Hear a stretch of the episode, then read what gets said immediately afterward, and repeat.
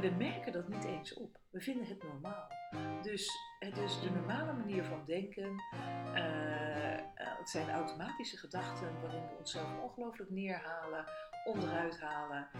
Eh, en we zijn ons, zich daar, ons daar vaak niet eens van bewust.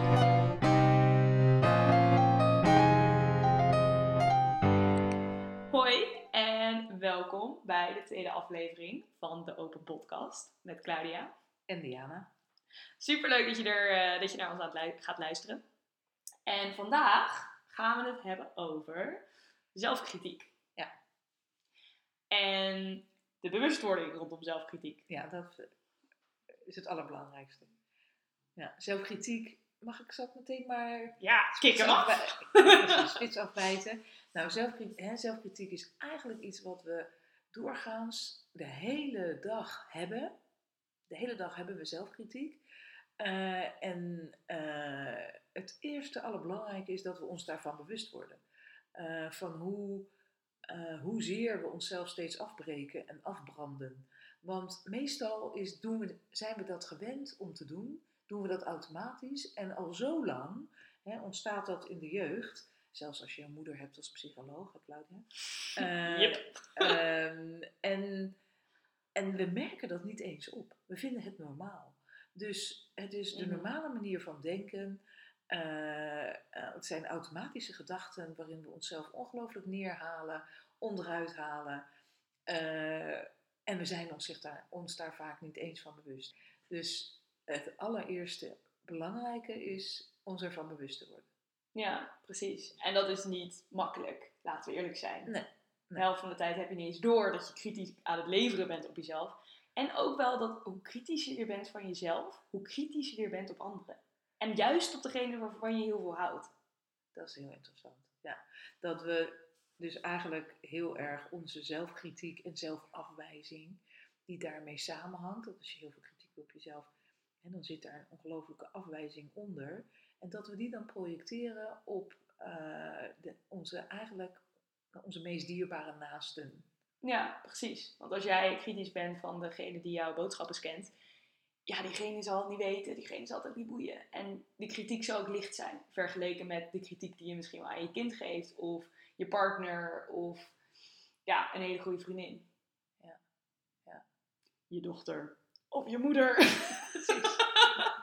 Ehm, en Ik voel daar als moeder iets meer verantwoordelijkheid in eh, ten opzichte van jou dan andersom, overigens. Hè, in de conflicten die wij hebben meegemaakt, moeilijke periodes die we hebben meegemaakt samen, dan denk ik wel van ja, ik was wel de moeder. En eh, hè, dan, als moeder mag je natuurlijk verwachten dat je iets meer verdraagt van je kind dan andersom. Ehm, Maar dat is denk ik ook wat er gebeurd is. En tegelijkertijd, als moeder ben je ook menselijk. tuurlijk. En ik denk ook juist, grappige is dat je als kind, denk ik, helemaal niet per se kritisch bent van je ouders, afhankelijk van je situatie. Dat je juist heel erg zo'n ideaalbeeld van, ja, maar mijn ouders. En dat je dan op een gegeven moment, is ook een beetje de volwassenheid ingaat, erachter komt van, oh, ja, mijn ouders zijn ook mensen. Die doen ook maar hun best, maar die blijven gewoon mensen. Ja. Complex en met flaws en al, zeg maar. En die vallen dan van hun voetstuk, toch? ja, Ergens in wel- de puberteit. ja, ik denk het. Ik denk ergens Ja. in de puberteit. Maar oké, maar laten we teruggaan naar zelfkritiek. Ehm, dus ik denk eigenlijk dat die misschien ook wel in de puberteit, eh, eh, dat bij de meeste mensen die zelfkritiek in de puberteit ontstaat. Mhm. Als je pech hebt, kan dat ook wel eerder gebeuren overigens. eh, afhankelijk van eh, de situatie waarin je opgroeit en de trauma's die je meemaakt. Ja. Maar doorgaans denk ik dat eh, er een enorme boost is in zelfkritiek in de puberteit. Wanneer je je bewust wordt van jezelf. Hè? En daar heel veel lichamelijke veranderingen optreden. En je, je daar ook eh, je, je daarmee worstelt met al die fysieke, eh, Ja. die fysieke ontwikkeling. Ja, heel grappig wat bij mij nu opkomt. Heel grappig, valt ook wel mee. Wat bij mij nu opkomt, dat ik op de basisschool kreeg ik een keer kritiek van iemand anders. Van een jongen die ik leuk vond, dat is nog het ergste. Hoe ik mijn boterham at. Oh. En ik zat in groep drie of zo, ik was erg jong.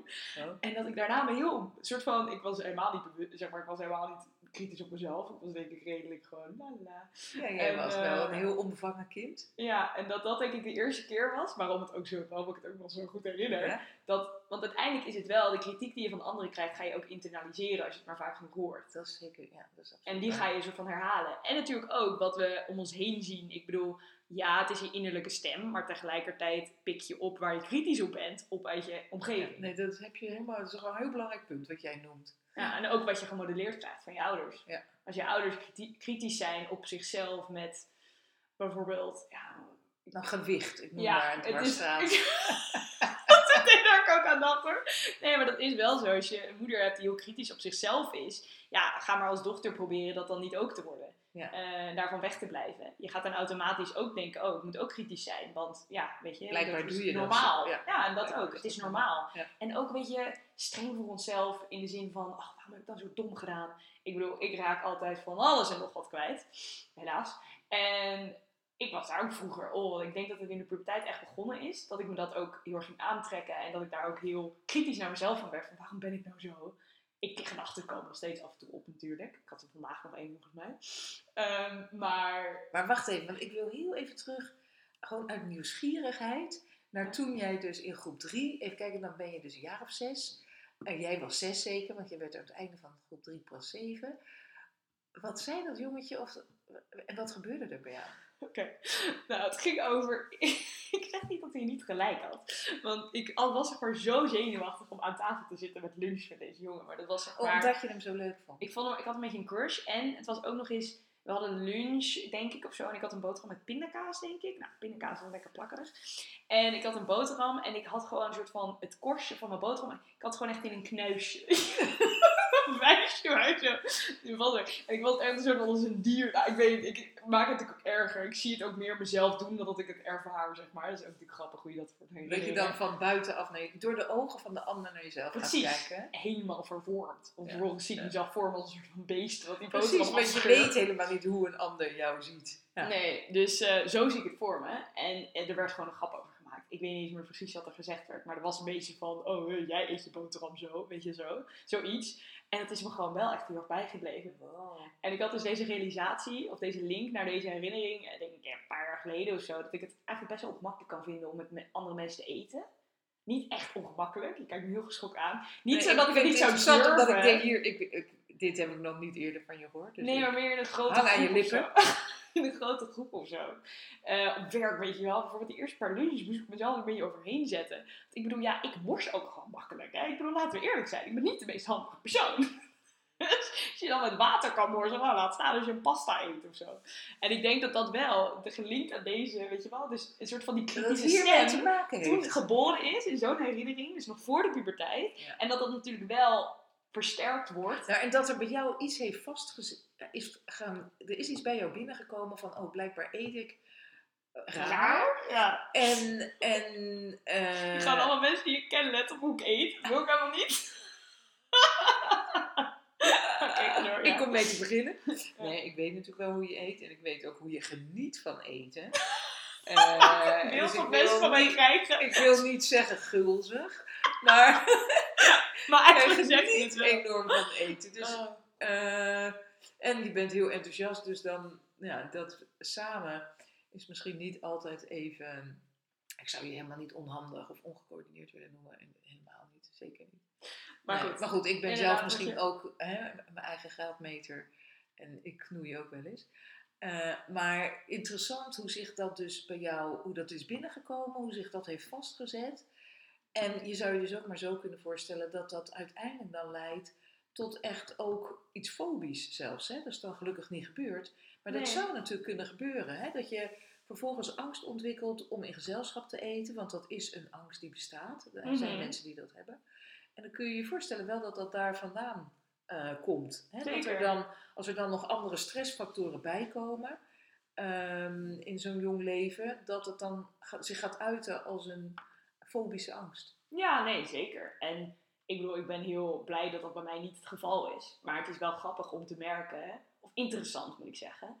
eh, interessant om te merken hoe dat toch nog iets kan zijn die wat in je hoofd blijft hangen. Ja. Dus dan kan je je helemaal voorstellen dat met hoeveel herinneringen en hoeveel ja, stemmetjes eigenlijk, waar die dan allemaal niet vandaan moeten komen, omdat we zoveel meemaken. Vanaf het moment dat we, onze, nou, eigenlijk vanaf het moment dat je in de buik zit, maak je al alles mee wat je moeder meemaakt. Je voelt alles wat je moeder meemaakt.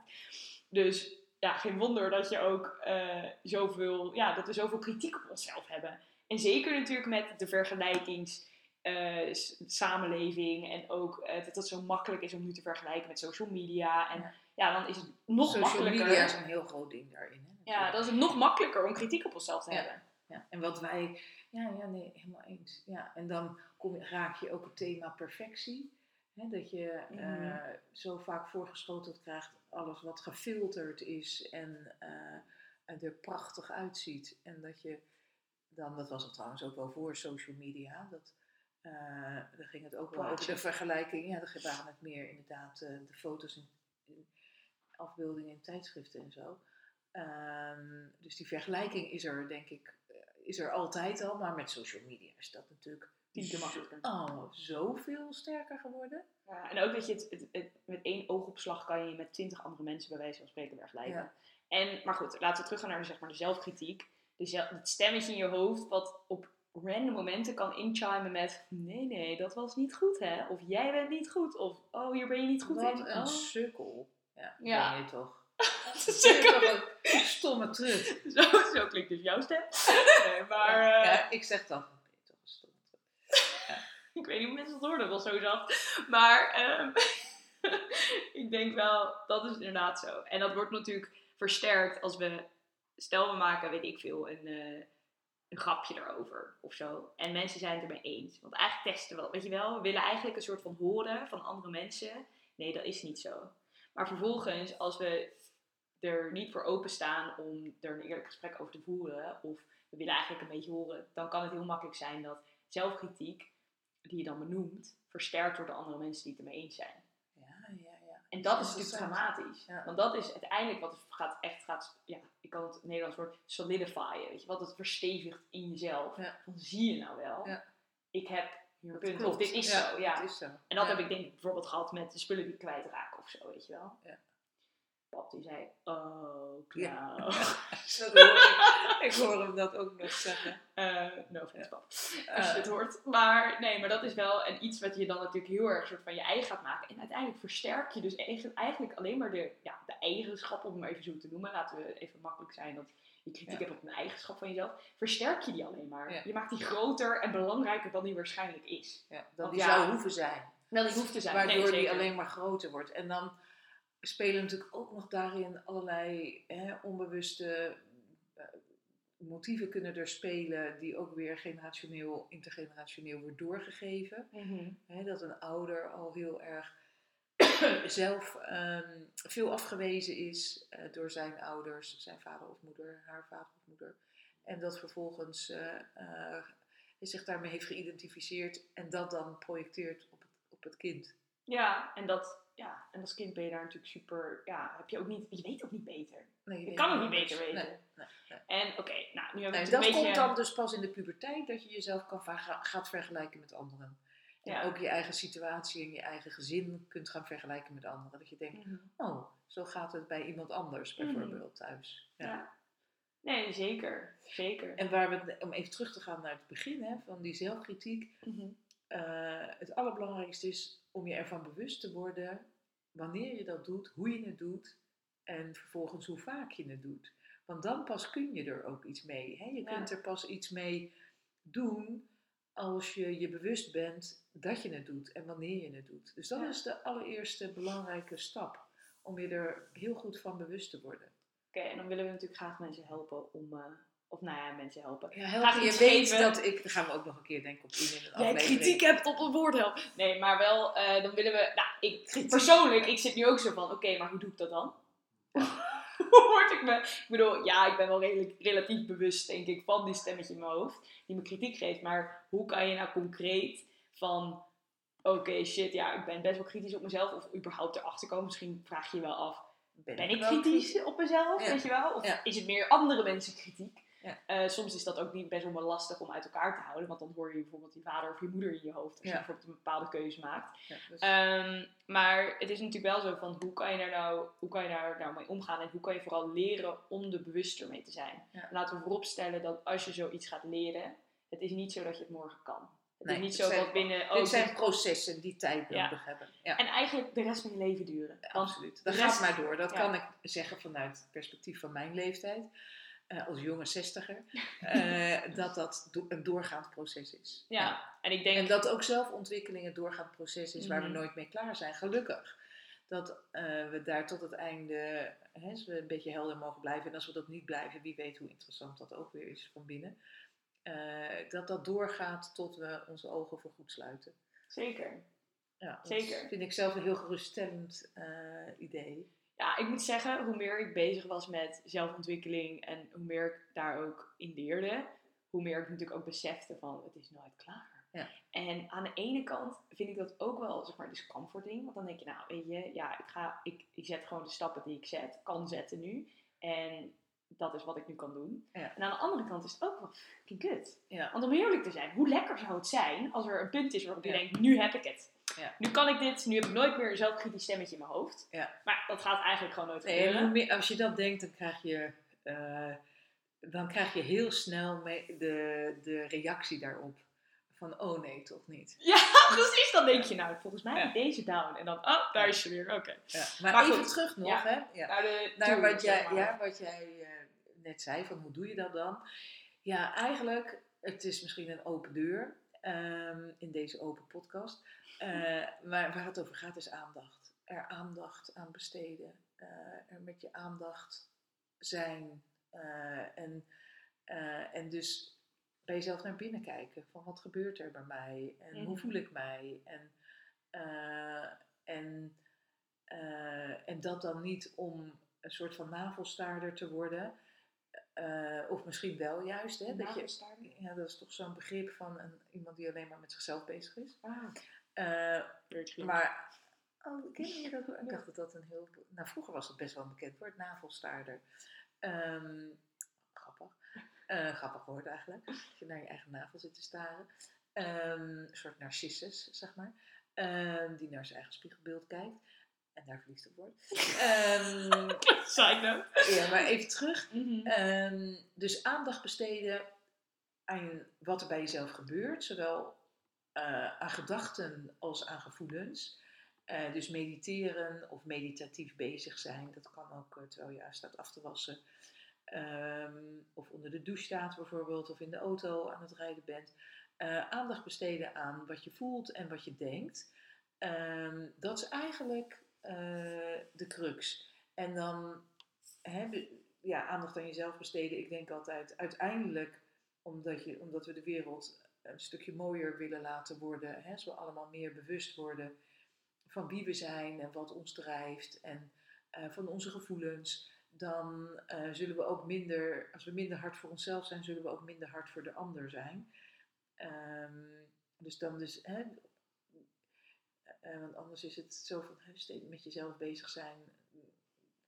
Nee, wat ik ook aan het begin zei. Hoe, zeg maar, hoe kritischer je bent op jezelf, hoe kritischer je ook op Ja. bent op anderen. En uiteindelijk, dat zijn juist de mensen waar je het meest om geeft. En waar je eigenlijk, je wil hun helemaal niet helpen om het, om het kritische stemmetje in hun hoofd te ontwikkelen. Liefst, ja, laten we eerlijk zijn, het is niet het stemmetje wat je nou verder helpt. Het is eerder het stemmetje wat je tegenhoudt. Het is het stem, de stem die je heel erg tegenhoudt, die je heel erg in de weg zit. Ja. Ja, en als we daarmee samenvallen, dus als je niet doorhebt dat, dat je die stem hebt, of dat je het wel doorhebt, maar dat je denkt dat je die stem bent, hè, dus dat dat Mhm. alles is wat jij bent, eh, dan is het belangrijk dat je leert dat dat maar een deel van jezelf is. En dat er ook een ander deel van jou is wat daarnaar kan kijken en wat dat Mhm. kan observeren. Ja. En wat dan dus ziet van hé, hey, dat is wel heel kritisch. Mhm. En dan gaat het er niet om dat we daar iets positiefs tegenover zetten, want dat is meestal te gemaakt en dat Mhm. voelt hem niet echt. Maar het gaat erom dat we het dan kunnen neutraliseren bijvoorbeeld. Dus dat, als je opmerkt dat je heel erg eh, iets lelijks tegen jezelf zegt, van je bent toch weer een sukkel, ben je weer je sleutel kwijtgeraakt, dat je dan zegt, maar. dat je dan tegen jezelf zegt, hè, niet van oh dat geeft niet, maar dat je dan tegen jezelf zegt, hè, wat vervelend voor je.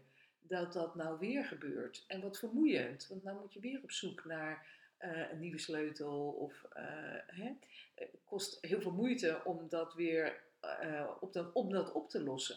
Dus Mhm. dat je probeert om er, of op zijn minst iets neutraals tegenover te zetten. Hè? Of iets minder negatief is al goed. Want als we Mhm. er iets positiefs tegenover zetten, eh, dan dat, is, dat haakt niet aan. Dat kunnen we niet voelen. Dat is veel te geforceerd. Ja, nee, dus precies. het gaat er dan om dat je, nou, misschien kun jij een voorbeeld geven. Dan kan ik een voorbeeld geven van wat iets neutralers of iets minder negatief zou kunnen zijn. Even denken hoor.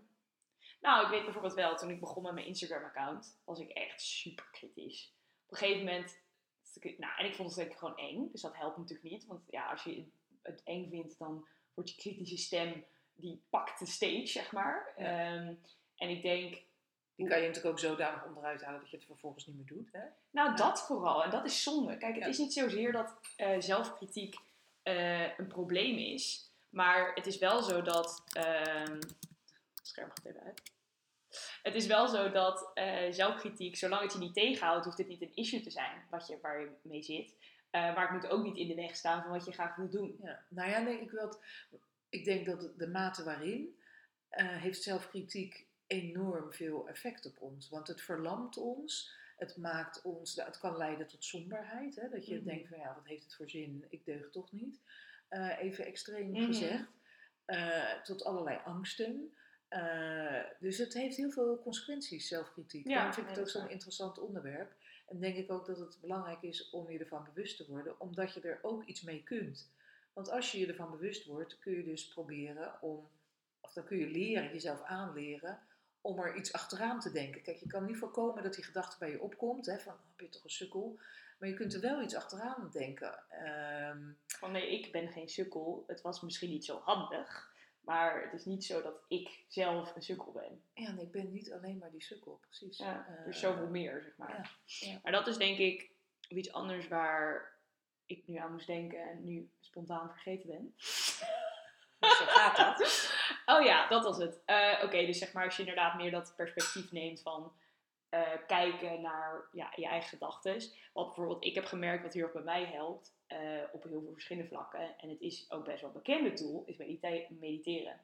En dat ziet er voor iedereen anders uit. Maar dat is wel letterlijk stilzitten en je gedachten observeren. En dan kan je ook, als je dan erin gaat, bijvoorbeeld met de intentie van: oké, ik ga mijn kritische stem identificeren van hoe klinkt zij of hij of het, weet je wel. Ja, ja, En dan vervolgens, als je dat, nou, misschien dat je de eerste keer helemaal niet dat ze niet opkomt dagen, maar oh, als je nog nooit gemediteerd hebt en ook als je het al duizend keer gedaan hebt, tijdens mediteren gaat die terugstem opkomen, want die gaat zitten, god, voor ben je nou weer afgeleid? Ja. Probeer Ja. nou gewoon stil te zitten. Waarom ben je bewegen met je teen?